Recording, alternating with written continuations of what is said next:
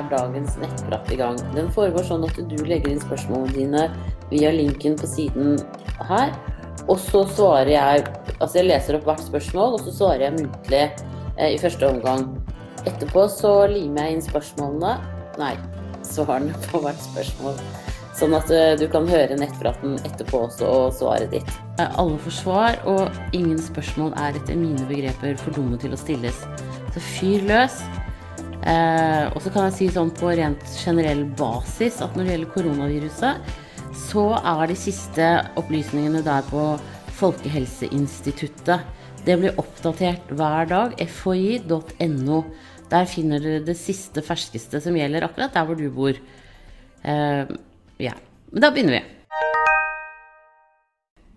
Da er det vektøkning som sier hei, lurer litt på hva som er normal vektøkning.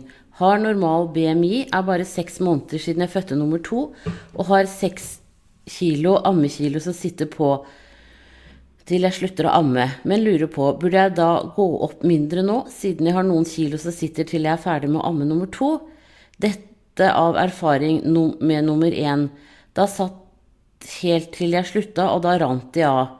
Men selv med seks kilo mer enn normalt er jeg enda normalvektig men føler om at jeg får seks kilo til i denne graviditeten, så, med, så sitter jeg med tolv kilo, om du forstår.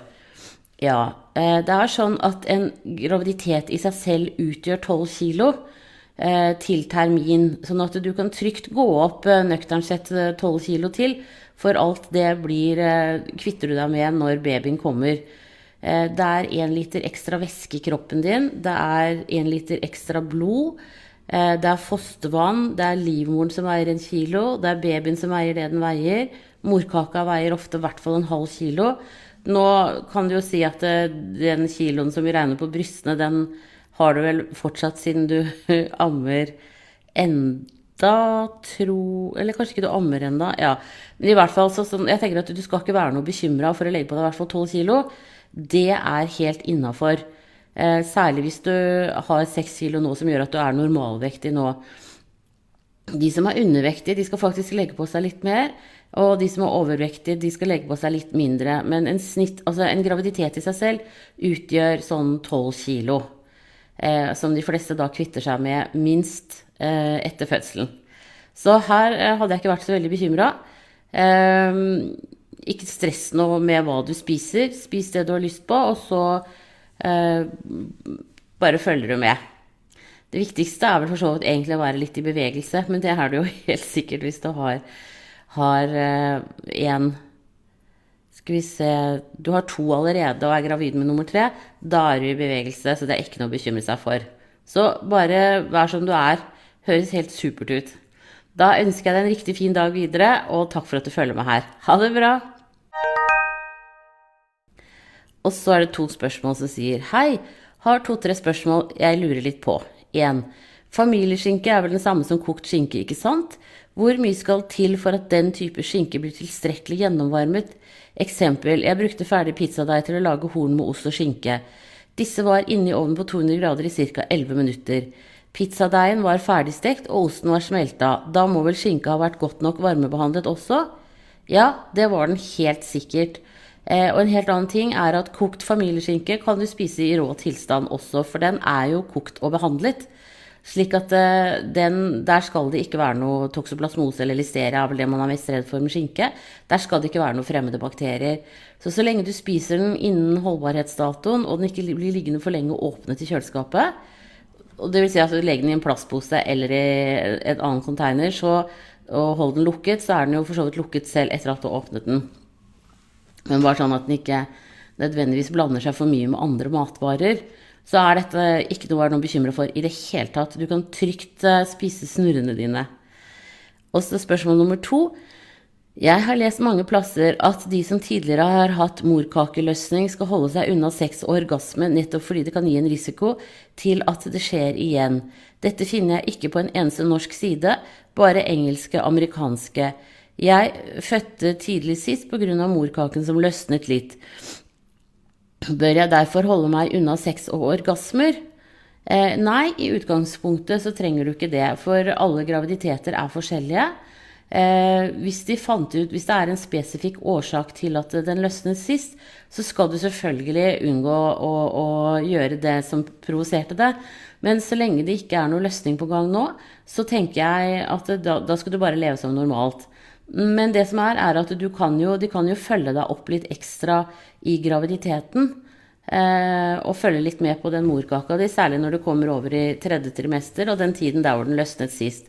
Men hvis ikke det var noen sånn spesiell grunn til at den løsnet litt, om at du fikk et veldig hardt slag mot maven eller hadde Jeg vet ikke om det, Dette her er liksom mer over i gynekologi, så jeg syns du skal be fastlegen eller jordmora di om å henvise deg til sykehuset der du fødte, eller skal føde nå, eh, og så få litt mer orientering i forhold til det. For det er klart at eh, morkakeløsning er en veldig sånn dramatisk opplevelse, kan være hvis man ikke allerede er på sykehuset når det skjer. Så der syns jeg du, du, skal følges opp. Eh, definitivt. Eh, og dette er jo sånn, en sånn type komplikasjon som gjør at du selvfølgelig ikke skal føde hjemme eller på et lite fødested, men være på et, et mer sentralisert sted når du skal føde. Så få henvisning til sykehuset, og få en god informasjon der. Da ønsker jeg deg riktig lykke til videre, og tusen takk for at du følger meg her. Ha det bra! Og så er det amming som sier Hei, flotte deg. Tusen takk. Jeg har en baby som snart er syv måneder. Jeg gir én til to måltid med fast føde per døgn, men føler han ammer like ofte. Startet med smaksprøver når han var fire måneder, og spiser nå fulle porsjoner med grøt og litt brødskive samt middagsglass. Jeg lurer litt på når det er vanlig best å slutte å amme helt. Han ammer rundt to-tre ganger per natt og lurer på om dette er for kosen, eller at han trenger det. Det er veldig mange som har meninger om amming og blir derfor veldig forvirret. Kjenner jeg ønsker å begynne å slutte med ammingen mye pga. at permisjonen snart er over. Lurer derfor på om du har noen tips på hvordan jeg bør gå fram spesielt på natt. Har dessverre ikke veldig god kjemi med min helsesykepleier, og kvier meg derfor å spørre og ta opp ting. Hilsen førstegangsmor. Ja, det er alltid kjedelig når man ikke har god kjemi med de man skal ha med å gjøre.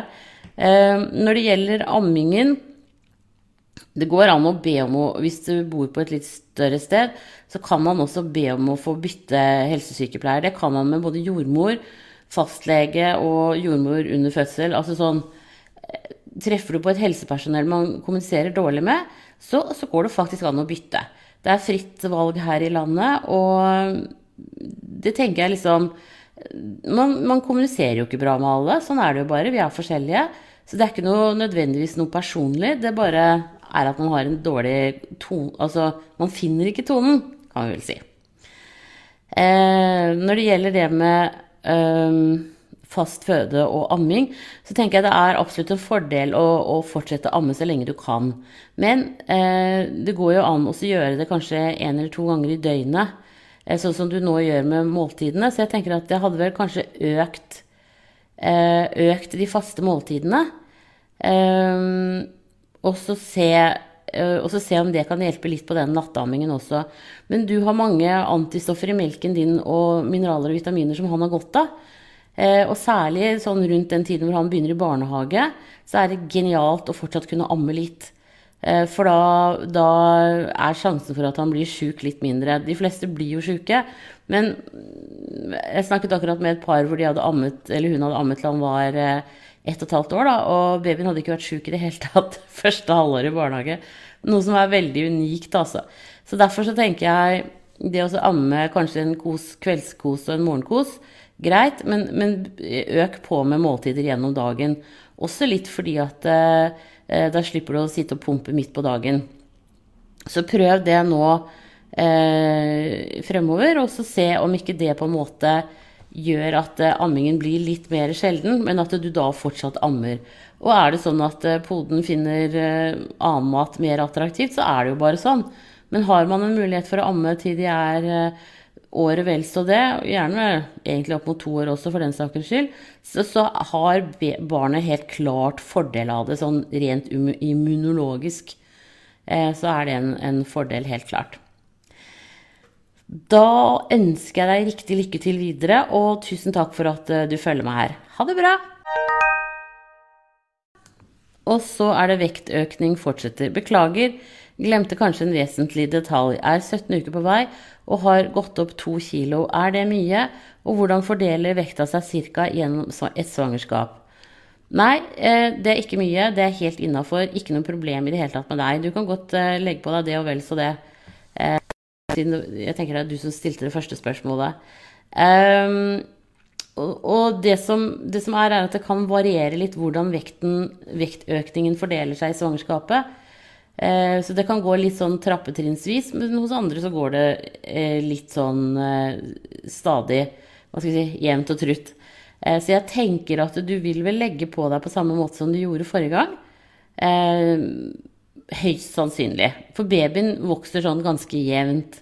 Men nå er det jo ikke babyens vekt som er det mest utslagsgivende. Det er mer på en måte alt som skjer i kroppen din.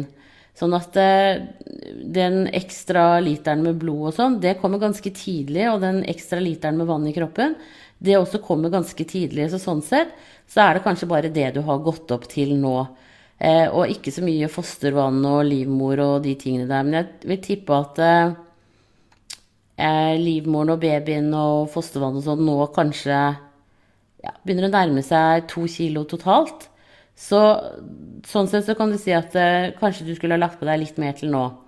Eh, så vær i hvert fall ikke bekymra for det. Eh, det eh, Spis det du har lyst på, tenker jeg. Det er helt innafor. Så kan du jo snakke med jordmora di om det også, men jeg, jeg tenker at dette, eh, dette er ikke noe unormalt, og du ligger vel heller i underkant enn i overkant. Men det er bra at du legger på deg, i hvert fall. Det skal man uansett. Om du så hadde veid 200 kg og var gravid, så skal man faktisk legge på seg eh, litt. For det er noe med hele den prosessen i kroppen eh, som er viktig. Da ønsker jeg deg riktig lykke til videre, og tusen takk for at du følger med her. Ha det bra! Og så er det Hei, kan jeg spise kyllingpålegg på brødskiva? Ja, det kan du. Så lenge det er kokt eller stekt, og det er jo de fleste kyllingpålegg så kan du det. Så det er ikke noe problem. Bare pass på at du spiser den før eh, datoen går ut på pakningen. Eh, og at den ligger eh, godt pakket i kjøleskapet ditt, så går det helt fint. Da ønsker jeg deg riktig lykke til videre, og tusen takk for at du følger meg her. Ha det bra! Også fortvilet. Er ikke deprimert, men kjenner jeg er sliten. Er nylig blitt gravid og har to barn fra før. Kjenner nummer to er veldig, veldig krevende for tiden, og kjenner at jeg angrer på at vi får nummer tre. Nummer to begynner i barnehage til høsten, så jeg går hjemme med henne enda. Men nå føler jeg meg bare helt tom, for blir enda ett nytt år med å gå hjemme med barn. Siden faren nettopp fikk påført seg en arbeidsulykke, gjorde det at han er sykemeldt, så må liksom ta hånd om to personer når eldste er levert i barnehage, alt husarbeid, mat osv. Så har jeg tre personer når eldste kommer hjem, er så ekstremt sliten og lei av hele opplegget. Føler meg veldig alene, men skal si faren gjør så godt han kan. Men han har begrensninger. Kjente jeg gledet meg veldig til å begynne å jobbe igjen til høsten og få litt voksenkontakt, men det kan jeg jo se langt etter. Har en sterk følelse at jeg blir å ta over pappapermen på nummer tre også. Uff, føler meg virkelig som ei dårlig mor som har lyst på litt egentid, møte andre voksne. Skal sies at jeg er mye med andre mødre, men føler det er veldig mye barnesnakk. Eller så møter jeg mødre og har ofte playdate med eldste. Men fremdeles barna som alltid står i fullt fokus. Så hadde gleda meg til jobb hvor jeg kan få et lite avbrekk av hverdagen. Så nå sitter jeg med dårlig samvittighet, for jeg gruer meg til en ny runde permisjon og alt som følger med det. Men jeg elsker barna mine overalt. Bare føler det er mye, og nå ligger jeg med forkjølelse og ikke i form heller. Men har tre personer jeg må verte opp. Skal også sies at begge ungene også har vært gjennom denne forkjølelsen, så ikke mye lett når jeg må være den som tar hovedansvaret pga. at faren er sykemeldt, selv om han prøver. Det toppet seg vel på lørdag, hvor han ville ommøblere hele lekestua. Jeg var i full feber og måtte hjelpe til med å ommøblere, i tillegg til syke barn. Så nå er jeg virkelig tom for energi. Off. Ja, det tror jeg alle i din situasjon ville ha vært. De ville vært ganske kaputte. Så jeg skjønner deg veldig godt. Det må jeg bare si. Så eh, når han har liksom overskudd til å ommøblere lekestua, så vil han sikkert også kunne hatt overskudd til å ta vare på eh, de to eldste, sånn at du kan få deg litt tid ut. Og jeg tenker da liksom, Det er ikke sikkert det skal så mye tid til, men la oss si at du legger en fast rutine på at du går deg en tur hver kveld etter at de er lagt. Eh, det, da kan han sitte hjemme og passe på dem. Eh, alternativt etter hvert så tenker jeg at kanskje du skulle fått deg en syssel. Eh, om det finnes et kor i nærheten, er det noen forening du kan melde deg inn i? Politikken? Altså et eller annet som gir deg den litt voksentid, men ikke så mye som en full jobb gjør på noe som helst slags vis, for det har du jo ikke overskudd til. Men et eller annet som liksom uh, får deg ut, da. Det tenker jeg kunne vært en kjempefordel. Og de aller, aller fleste steder så fins det jo tilbud på et eller annet vis, om det er et kurs du kan gå, eller um, kor. Eh, politisk forening har, hvis du er religiøs, har trossamfunnet ditt noe de kan tilby et eller annet som på en måte gir deg eh, akkurat liksom Får henta deg litt ut av den uh, familiesuppa. Uh, og jeg skjønner, jeg skjønner, innmari godt at du er sliten. Uh, og jeg er helt enig med deg. Det er stor forskjell på å være deprimert og være sliten. Og, og, her tenker jeg her er det liksom helt klart tiltak som måtte kunne gjøres for å gjøre at du får det bedre.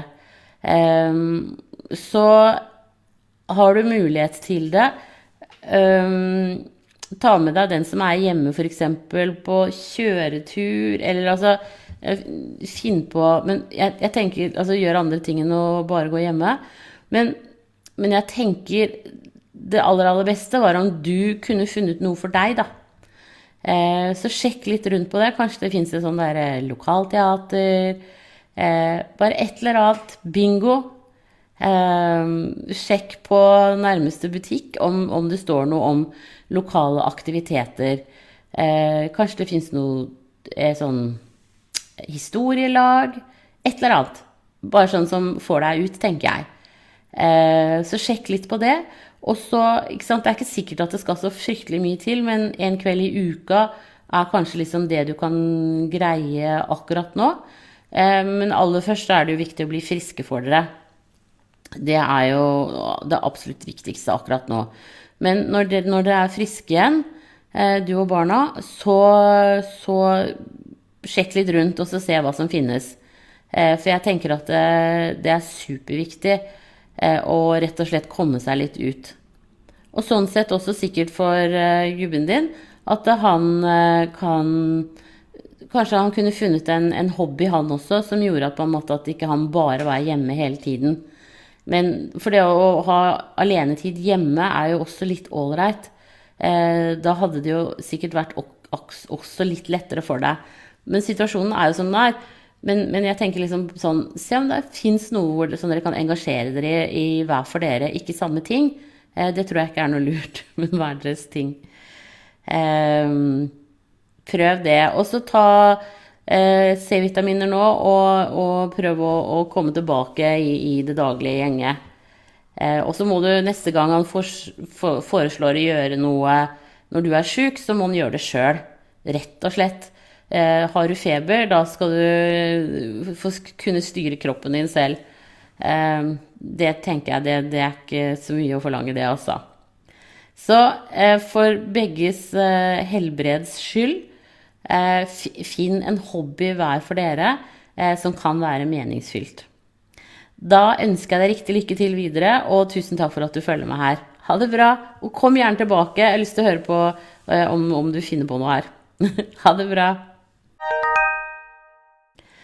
Og så er det andre gangs gravid som sier hei, jeg har ingen spørsmål. Jeg vil bare takke så mye for hjelpen som du har gitt meg. Jeg er så utrolig takknemlig. Ja, men det var hyggelig å høre. Eh, for ikke så lenge siden så stilte jeg spørsmål angående blødning i svangerskapet fordi jeg har blødd en del over lengre tid. Jeg er nå elleve uker på vei, ingen har funnet ut hvorfor jeg blør, men du foreslo at jeg skulle sjekke jern, B12 og D-vitamin. Når jeg fikk sjekket dette og begynt på det, så har blødningen også stoppet helt opp. Jeg kan ikke forstå at jeg ikke har tenkt på det selv, eller at noen av legene på sykehuset har tenkt på det, da dette er vanlige mangler for oss med morbus Crohn. Så igjen, Tusen takk for hjelpen, du er god. Ja, men så hyggelig, da. Det var godt jeg kunne hjelpe litt. Da har du det sikkert mye bedre. Det var godt å høre. Tusen takk for at du følger meg, og ha en strålende dag videre. Ha det bra. Og så er det M som sier Er det trygt å gå til lege og jordmor fremover nå? Er redd for å bli smittet av korona. Ja. Eh, Foreløpig er det det. Eh, og som jeg sa på begynnelsen her, sjekk eh, Folkehelseinstituttet sine sider. Og også informasjonssidene i, på din kommune. Eh, for der vil det også komme fortløpende. Eh, nå vet jeg i hvert fall i Vestre Aker, hvor jeg bor, så kommer de til å henvise mest til Folkehelseinstituttet. Men så vil man jo også ha lokale utbrudd. Og da blir det litt annerledes eh, i forhold til hvordan man forholder seg akkurat der man bor. Så så lenge du ikke får noen melding om at du ikke skal gå til lege eller jordmor, så bare fortsetter du med det. Eh, det skal være helt trygt, det altså. Eh, og som oftest så Eller sånn som det er nå, da. Så kommer nok eh, helsemyndighetene til å, å være føre var eh, når det gjelder eh, å, å spre god informasjon om smitte. Så i mellomtiden, god håndhygiene, alltid veldig viktig når det er smittsomme sykdommer. Og ellers så er det faktisk ikke så veldig mye man kan gjøre fra eller til. Eh, nå viser det seg jo at unge mennesker eh, på en måte er bedre enn eldre. Eh, og særlig barn. Det er nesten ingen barn som får korona. Eh, og jeg hørte på en pod eh, fra New York Times i går hvor det var en sånn eh, smittefyr, eller altså smittelege, som snakket om at eh, vi faktisk alle har hatt koronavirus. Altså veldig mange av de forkjølelsene man har, eh, som er litt sånne sterkere forkjølelser, det er koronavirus. Men andre avarter, da. Eh, og så tror man at en, det man tror nå, da, en av grunnene til at ikke det er så mange barn som får det, det er at de faktisk har vært rundt andre barn i barnehage og på barneskolen og sånn, og blitt smittet. Så dette her handler jo om det vi snakker om, det å få trent immunforsvaret. At det faktisk ikke er så dumt å bli litt sjuk innimellom, fordi at man da får en sånn forsiktig eh, prøvekjøring av, mot forskjellige virus. Eh, sånn at eh, foreløpig eh, følg informasjonen som kommer fra helsemyndighetene på Folkehelseinstituttet. Norge.no har informasjon, og det har Helsedirektoratet også. Men det er Folkehelseinstituttet som er liksom hovedinformasjonsgiveren nå. Og da også selvfølgelig på, i din kommunes nettsider. De bør jo ha en link som går rett til eh, koronavirusinformasjon. Så, sånn som det er nå, så tenker jeg det er ikke noe å engste seg for. Jeg leste også i Aftenposten at hvis man blir satt i karantene, så har man rett på eh, sykemelding. Jeg, jeg, vil tro at i forhold til gravide så har man faktisk rett på svangerskapspenger. Eh, og grunnen til at jeg nevner dette med svangerskapspenger, det er fordi at eh, det ikke er en sykemelding.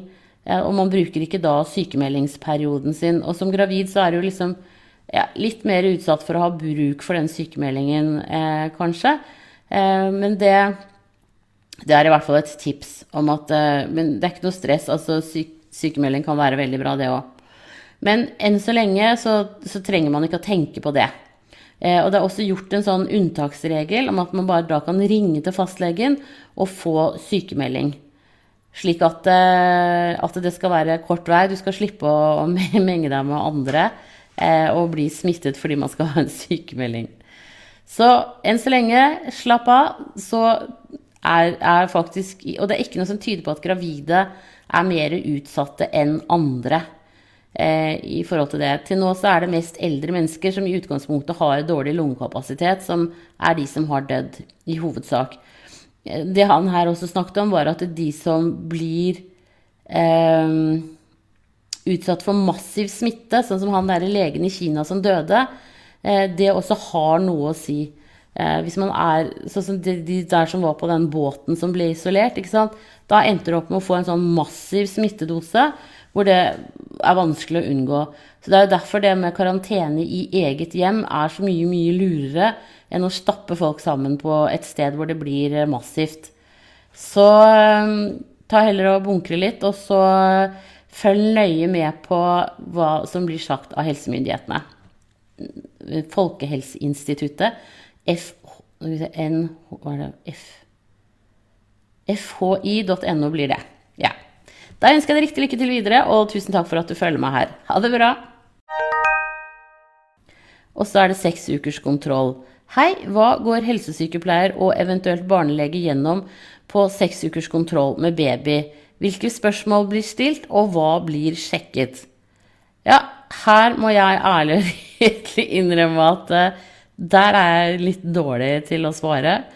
Um, jeg skal finne den retningslinjen, og så skal jeg linke til den, og så skal jeg legge den her. Men det de ser på, er vel helt sikkert liksom babyens motorikk og reflekser, og, og hører om amming og ernæring. Eh, hvordan det går, og at det liksom er bra med dere. Jeg er nok i hovedsak. Eh, og så kan jo du selv få seks ukers kontroll av deg, enten hos eh, jordmor eller fastlege. Eh, men nå spør du jo her om babyen, så jeg skal finne den eh, Jeg skal finne det. Og så skal jeg legge link til det her, så får du det helt konkret. For det er, det er, helt, altså det er helt, sånn bestemt hva det er de går igjennom på de forskjellige kontrollene. Da ønsker jeg deg riktig lykke til videre, og tusen takk for at du følger meg her. Ha det bra! Da er det M som sier hei, jeg er 17 pluss 2 og har ikke gått opp noen ting ennå. Jeg har derimot gått ned 4-5 kilo. Bør jeg bekymre meg over at jeg ikke legger på meg? Bør nevnes at jeg har en del kilo på kroppen fra før. Eh, ja, her er alt relativt. Jeg syns du skal få time hos jordmor og så snakke med jordmor om dette. Eh, du bør legge på deg, men det er klart at en del som har vært kvalme i begynnelsen av svangerskapet og sånn, da, da går man ikke så mye opp. Um, og det er jo sånn at du, hvis du har en del kilo på kroppen fra før av, så, så, vil jo babyen alltid få den, det den skal ha, men du går ned i, i egenvekten din. Men noe vektøkning skal alle ha, sånn som jeg sa i stad. Om du så veier 200 kg, så skal du faktisk gå opp litt i en graviditet. Da skal du gå opp en 3-4 kg. Og det er vanskelig å vite hva er en del kilo på kroppen, hva du definerer som det. Eh, så derfor så tenker jeg at eh, det å få time hos jordmor kan være veldig bra for deg eh, for å få en litt mer gjennomgang om, om hva som er det, det, som er riktig for deg. Så bestill time hos jordmor, og, og få kommet inn der til en prat. Da ønsker jeg deg riktig lykke til videre, og tusen takk for at du følger meg her. Ha det bra! Og så er det bekymret som sier Hei, Siri. Jeg har vært på to tidlige ultralyder pga. helsemessige utfordringer i familien min. Har fått vite at alt ser bra ut på disse, er 17 pluss 4 og har ordinær ultralyd om to uker. Jeg bekymrer meg veldig mye for om de kommer til å finne tegn på alvorlig sykdom på ordinær ultralyd. Med alvorlig sykdom tenker jeg på sykdom som fører til at barnet ikke vil være levedyktig, der jeg kan risikere å være nødt til å ta tøffe avgjørelser allerede nå. Sist gang jeg var på ultralyd, var jeg 14 uker på vei. Ville de kunne sett tegn på alvorlig sykdom da? Jeg har tre bekjente som opplevde dette, og har derfor begynt å bekymre meg over det. Ja, og sånn er det jo at når man har folk i nærheten som opplever grusomme ting, så begynner man veldig å tenke på de tingene selv. Eh, men det betyr ikke at du kommer til å oppleve det, og man kan jo også snu det på hodet og si at disse vennene dine har brukt opp kvoten Eh, på dette nå. Det er selvfølgelig en sånn veldig lightweight måte å si tingene på. Men, men eh, Så jeg vil anbefale deg å prøve å skyve bort de tankene og gå inn i din lille graviditetsboble eh, og tenke at dette skjer ikke meg. For det er man nødt til å tenke om en del ting, både når man er gravid og når man har små barn i huset. At vet du hva, dette skjer ikke meg, ellers blir det veldig mye vi skal bekymre oss for. Når det er sagt, så er det også sånn at når du var på ultralyd i uke 14, så ser de de samme tingene som det de ser på ultralyd i uke 17. Så hvis det var en som var god på å gjøre ultralyd, så behøver du ikke å bekymre deg noe særlig for den ultralyden nå om to uker. Eh, store, grove feil, det ville de ha funnet også eh, i uke 14. Eh, for fra uke 12 og utover så er det stort sett veksten Eh, det handler om. Og alle de indre organene er ferdigdannet. Det eneste som ikke er ferdigdannet, og det blir den heller ikke før man er opp mot to år, det er hjernen. Eh, så, men alt det andre er faktisk ferdig. Så hvis det hadde vært store mangler ved uke 14, så bør den personen som gjorde den ultralyden, ha sett det, eh, rett og slett. Så jeg tenker at du ikke behøver å bekymre deg for dette nå. Da ønsker jeg deg riktig lykke til videre, og tusen takk for at eh, du følger meg her. Ha det bra! Og så er det mensmuringer som sier er 18 uker på vei og opplever ennå mensmuringer. Er dette normalt? Ja, det er det. Eh, og det er fordi at livmoren din driver og trener og har kynnere hele tiden. De begynte rundt sånn uke 12-13 og vil holde seg antageligvis frem til termin. Eh, men hvis du har en veldig sånn murrete muskulatur, holdt jeg på å si, altså sånn du kjenner det veldig godt, da, eh, så kan du prøve å ta tilskudd med magnesium og kalsium, gjerne med D-vitaminer, eh, som øker opptaket av dette. Det kan hende at det kan hjelpe litt på murringene dine. Så prøv det. Men jeg vil si at det ligger innafor normalt, og jo flere man, jo flere graviditeter man har bak seg, jo mer murringer vil man kunne oppleve. Så da ønsker jeg deg riktig lykke til videre, og tusen takk for at du følger meg her. Ha det bra! Og så er det sove på rygg-spørsmålstegn. Jeg våkner av at jeg har lagt meg på rygg flere ganger i løpet av natten. Er dette farlig? Jeg har hørt at man ikke behøver, bør sove på rygg som gravid er 18 pluss 3. Nei, det er ganske tidlig enda i graviditeten, så det er ikke noe farlig for babyen din. Det man er redd for, er det såkalte vena cava-syndromet. Eh, og det vil si at eh, livmoren og alt presser ned på den hovedvenen som går opp bak på ryggen din, liksom. Eh, rett bak livmoren.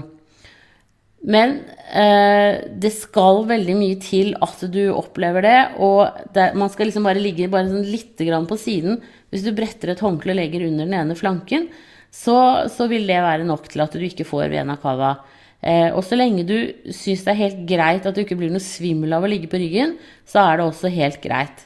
Eh, men ellers så tenker jeg at eh, det er ikke noe sånn derre å stresse veldig med, altså. De fleste etter hvert så blir, kommer det til å bli litt sånn uh, urven av å ligge på ryggen. Uh, det blir liksom for uh, Hva skal vi si? Det blir for tungt fordi at hele livmoren presser ned.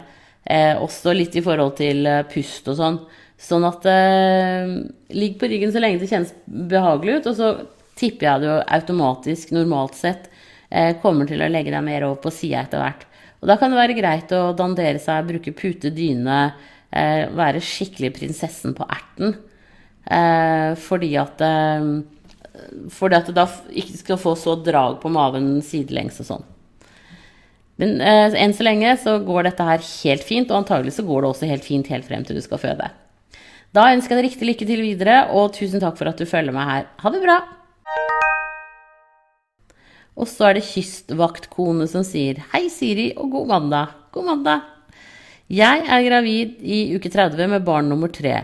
Fødsel med førstemann tok lang tid. 18 timer etter vannavgang. Andremann tok to timer. Nå er den lokale fødestua lagt ned, og jeg har en time til nærmeste fødeavdeling. Min jordmor sier at tredjemann kan være en luring, altså at fødselen kan komme litt i gang, gå over, begynne på igjen osv. flere ganger. Hun mener jeg må komme av gårde med en gang jeg kjenner noe. Men hva om det er falsk alarm? Hva tenker jordmødrene hvis jeg kommer innom flere ganger uten reell fødsel? Er det et velkjent faktum at tredje kan være sånn, eller? Vil jo selvsagt dra til fødeavdelingen en gang for mye enn å føde på en veiskulder, altså. Takk for svar. Ha en fin uke. Ja, det skjønner jeg veldig godt. Og det, og det er også sånn at eh, Tror jeg, da. Jeg håper i hvert fall det. At eh, de lar deg ikke reise så fryktelig mange ganger til og fra. Eh, hvis du liksom drar dit og du slutter. Er du til termin, så har de sine triks i boka. De kan strippe deg. Eh, du kan prøve sånn nippelstimulering når du har kommet til sykehuset ikke før. Eh, hvor du gnir på brystvortene dine til du får en ri, og så venter du til den har gitt seg. Dette bør du ikke gjøre mer enn én time morgen og kveld, for det kan gi deg stormrier. Men jeg tenker det er ting som kan gjøres for at du skal slippe eh, å dra frem og tilbake mange ganger i den situasjonen du er i. Så jeg tenker at eh, dra lystig av gårde når du begynner å kjenne noe. Eh, Tredjemann kan gå akkurat like fort som førstemann.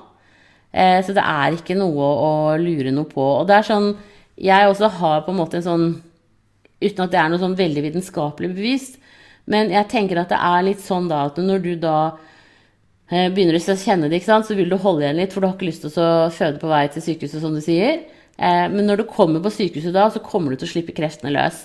Eh, og det gjør i stor grad at man føder. Hvis ikke du har noe sånn spesiell angst for å føde, så vil du også slippe alt mye mer løs. Sånn at, og de vil sikkert ha deg tassende litt rundt der. Uh, for å se hvordan det ligger an, hvis det roer seg. Men da tenker jeg vet du, det er faktisk det er noen ting man kan gjøre. Man kan strippe, du kan stimulere, nippelstimulere. Uh, de kan faktisk nødvendigvis alternativt også kunne ta vannet på deg. For når du har født to ganger før, så vet kroppen din akkurat hva den skal gjøre. Sånn at det er ikke så det er ikke så vanskelig å stimulere. Men vi sier jo at vi ikke skal kludre med noen ting. Og derfor så er på en måte dette med nippelstimulering og sånn, det er en sånn veldig mild form for uh, Det er et kjerringråd for kludring, og det er også stripping. Så uh, jeg tenker at det I distriktene så er det nok litt annerledes enn her i Oslo, hvor det er på en måte 20 minutter maks til nærmeste sykehus. Og noen har jo sykehus i gangavstand også. Så eh, ikke stress noe med det. Når du får symptomer, så drar du av gårde. Skulle det være sånn at du virkelig gønner på, og det bare går liksom fort unna, så er det ikke noe vits å sette seg i bilen. Da er det jo mye bedre å rigge seg til hjemme, ringe til jordmora og be henne komme. Eventuelt. Men altså sånn bestilt sykebil, sånn, men da fød heller hjemme eh, enn å, å føde på vei til sykehuset. Så her har du litt sånn Her må man bare se ikke sant, hva som skjer når du går i fødsel. Eh, hvordan den arter seg. Eh, men de fødslene som går veldig fort, de går som regel helt fint. For det er fordi at alt ligger til rette. Eh, så det er ikke noen sånne store problemer på veien. Som oftest. Så ja. Jeg tenker, jeg, jeg håper for din del at du kommer deg til fødestua, og at du føder eh, greit der etter at du har kommet inn. Da ønsker jeg deg riktig lykke til videre, og tusen takk for at du følger meg her. Ha det bra! Og så er det andregangs som sier hei. Jeg er 29,2 uker på vei, har i helgen følt meg mer sliten enn normalt, og kjente i løpet av dagen i går veldig mye mindre liv i magen enn jeg pleier. Har morkaken foranliggende, men likevel kjent mye liv i mange uker. Ringte føden, og da det ikke tok seg opp, så dro jeg inn for CTG Alt så helt fint ut med babyen. Har i natt våknet flere ganger med skikkelig hodepine. Selv Paracet hjalp ikke, og følte meg uvel i dag morges. Fikk følelsen av at jeg hadde høy puls, og når jeg sjekket pulsklokka, så hadde jeg puls på 148, bare av å pusse tenner. Det har roet seg litt nå, hvilepuls på ca. 100. Går jevnlig på kontroll på sykehuset grunnet kort cervix mye kynnere, så skal ditt igjen på fredag. Tror du jeg må til legen før dette? Merk at urinen min aldri har hatt utslag på noen ting. Ser på helsekortet mitt, blodtrykket den 21. i andre var 125 på 79. Har før det ligget på mellom 100 i øh, til 125 i overtrykk og mellom 50 og 70 i undertrykk. Høres dette normalt ut? Tusen hjertelig takk for svar. Mm, det det kommer litt an på, er vel også sånn hva hva eh, blodtrykket ditt var i går, når du var inne, eller lørdag.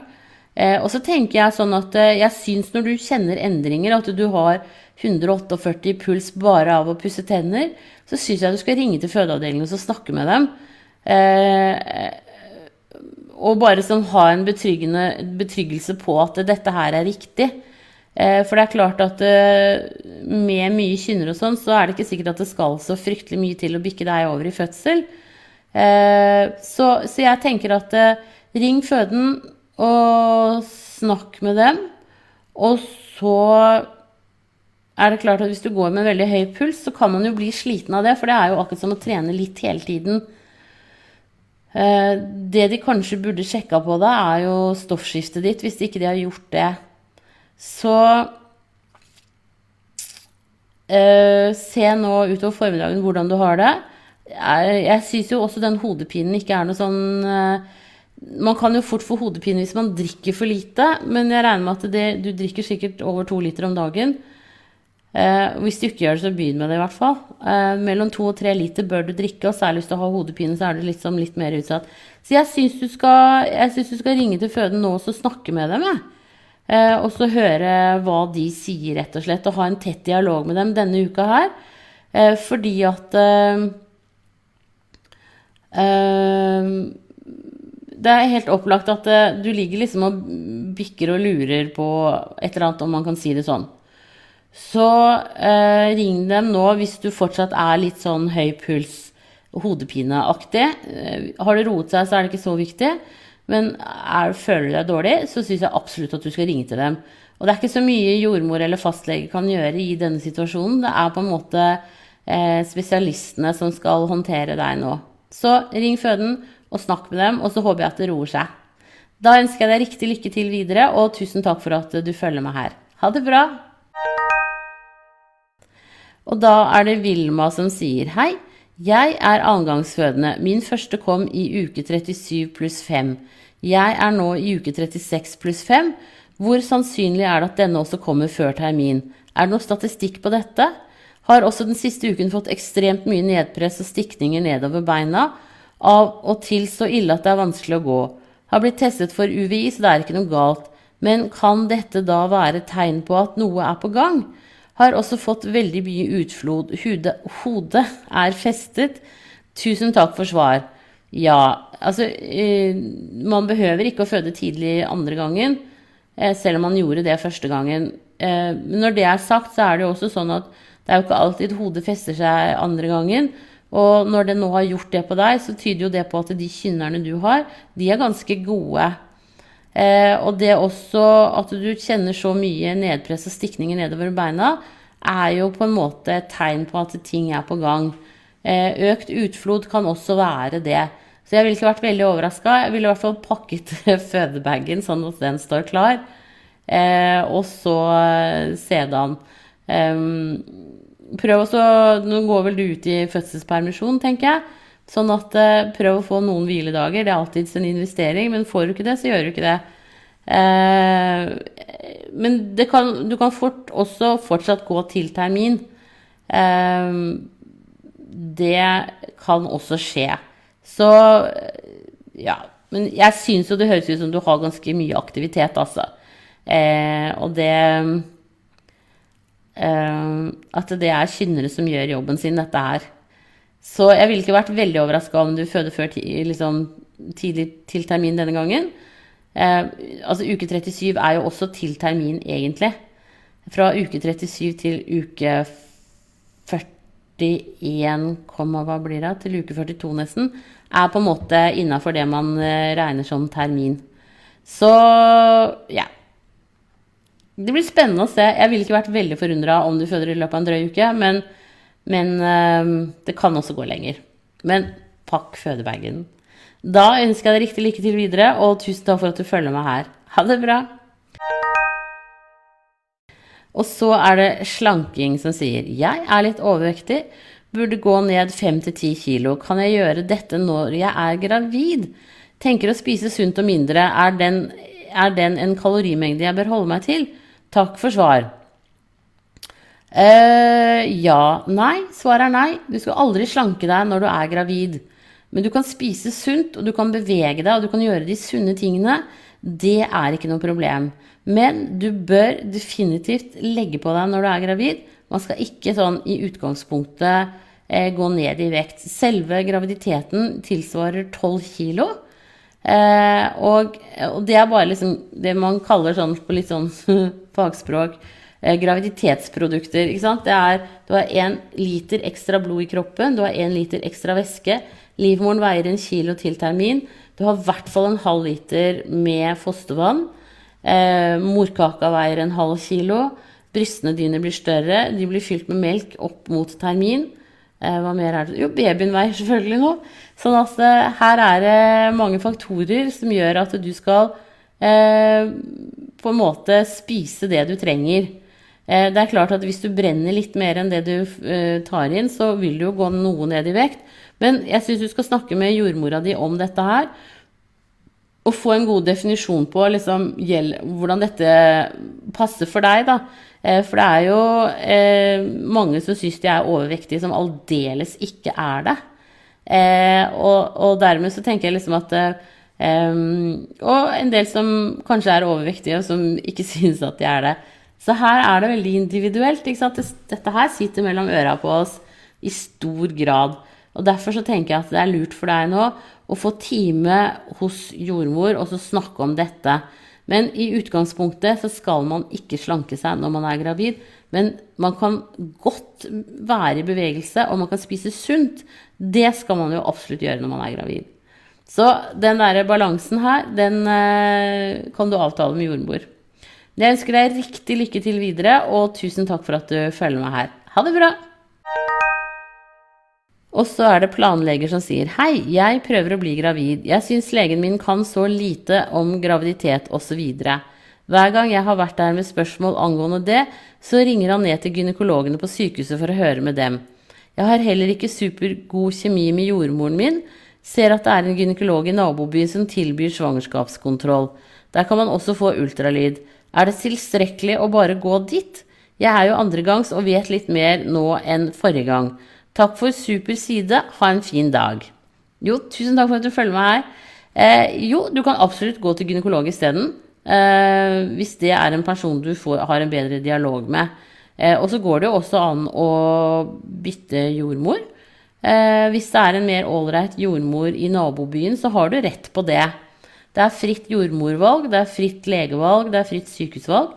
Eh, så, så, jeg tenker eh, Jeg har den oppfatningen at livet er for kort til å bruke tida på dårlig helsepersonell. Eh, så eh, jeg syns du i hvert fall skal bytte. For jeg vet ikke hvor mye du må betale eh, for å gå til den gynekologen. og ja, å gå til jordmor er i hvert fall gratis. Man trenger jo ikke å gå til spesialist hver gang sånn rent praktisk. Eh, men, men, hvis det er det beste alternativet, og det er en person du på en måte eh, føler du kan kommunisere med, så, så, er jo det superbra. Jeg tenker at eh, da er jo det investeringen verdt eventuelt, hvis du skal betale for det. Men du kan jo, eh, kan jo alternativt eh, ja. Nei, jeg foreslår at du prøver å finne en, en ny jordmor. Um, det er nok det, det, kanskje kan være det beste. Da ønsker jeg deg riktig lykke til videre. Og Eller altså Nå sa jeg feil. Uh, for hvis du Altså sånn Punkt én. Det går an å skifte fastlege hvis du er misfornøyd med fastlegen. Men hvis det bare er i graviditeten du er misfornøyd med fastlegen, så, så er det jo bare å holde, holde på vedkommende. Eh, jordmor kan du skifte. Eh, hvis du ikke har god kjemi med jordmor, så syns jeg også at du bør skifte. Det, det er helt lov. Eh, og hvis ikke, ingen av disse tingene funker, så er det klart at da er en gynekolog et veldig bra alternativ hvis det er en hyggelig person. Det var det jeg mente å si. Da ønsker jeg deg riktig lykke til videre, og tusen takk for at du følger meg her. Ha det bra! Og så er det morkaketrøbbel som sier Hei, jeg er 20 uker på vei og venter barn nummer to. Fikk vite på ordinær ultralyd at morkaken sperrer fullstendig for utgang til fødsel. Jeg har ikke blødd noe, er litt bekymret, merker jeg. Er sjansen stor for at den vil flytte seg oppover slik at jeg kan føde vaginalt? Og kan den sperre for helt frem til fødsel uten noen form for blødning? Eh, som oftest så trekker de seg oppover fordi at eh, morkaken er på en måte festet til livmorveggen som vokser oppover, sånn at etter hvert som livmoren vokser med babyen, så vokser også eh, Så flytter morkaka seg. Eh, når det er sagt, så er det klart at hvis du har sånn, det som heter en total eh, placenta previa, altså en morkake som ligger helt foran, eh, så, det, så blir det spennende å se. Og du vil jo da bli fulgt opp med ultralyd nå gjennom graviditeten for å se om den trekker seg opp eller ikke. Hvis den ikke har trukket seg opp innen uke 32, så vil du, få planlagt keisersnitt. Eh, og det er også sånn da at du, du, vil, hvis den fortsetter å ligge helt foran sånn som den gjør, så vil du høyst sannsynlig eh, også blø litt. Men eh, som oftest så går det helt fint. Men det er klart at i det øyeblikket du merker at du begynner å blø, så er det bare å, å å koste inn til sykehuset med en gang. Eh, det er ikke noe å lure på. Eh, så eh, det er, det er på en måte en, en, komplikasjon, helt klart. Og det er, ikke noe sånn, det er ikke noe enkelt å forholde seg til det. man må på en måte bare vente på en blødning og krysse fingrene for at det ikke skjer. Men ikke få kula hvis du begynner å blø. for de aller fleste så går det helt fint. Eh, og de fleste med sånn totalt foreliggende morkake, de blør faktisk. Sånn er det bare. Men da ønsker jeg deg riktig lykke til videre, og tusen takk for at du følger med her. Og så eh, krysser vi fingrene for at den trekker seg opp sånn at du kan føde vaginalt. Da var det dagens siste spørsmål til nå. Sånn at hvis det kommer inn flere de siste ti minuttene, så svarer jeg på de skriftlig. Men i mellomtiden så får dere ha en riktig strålende dag alle sammen. Og så lurer du på noe om korona, gå på Folkehelseinstituttet sine nettsider, fhi.no, og på din egen kommunes nettsider. Da får du det siste, ferskeste informasjonen. Da ønsker jeg deg riktig lykke til. Ha det bra.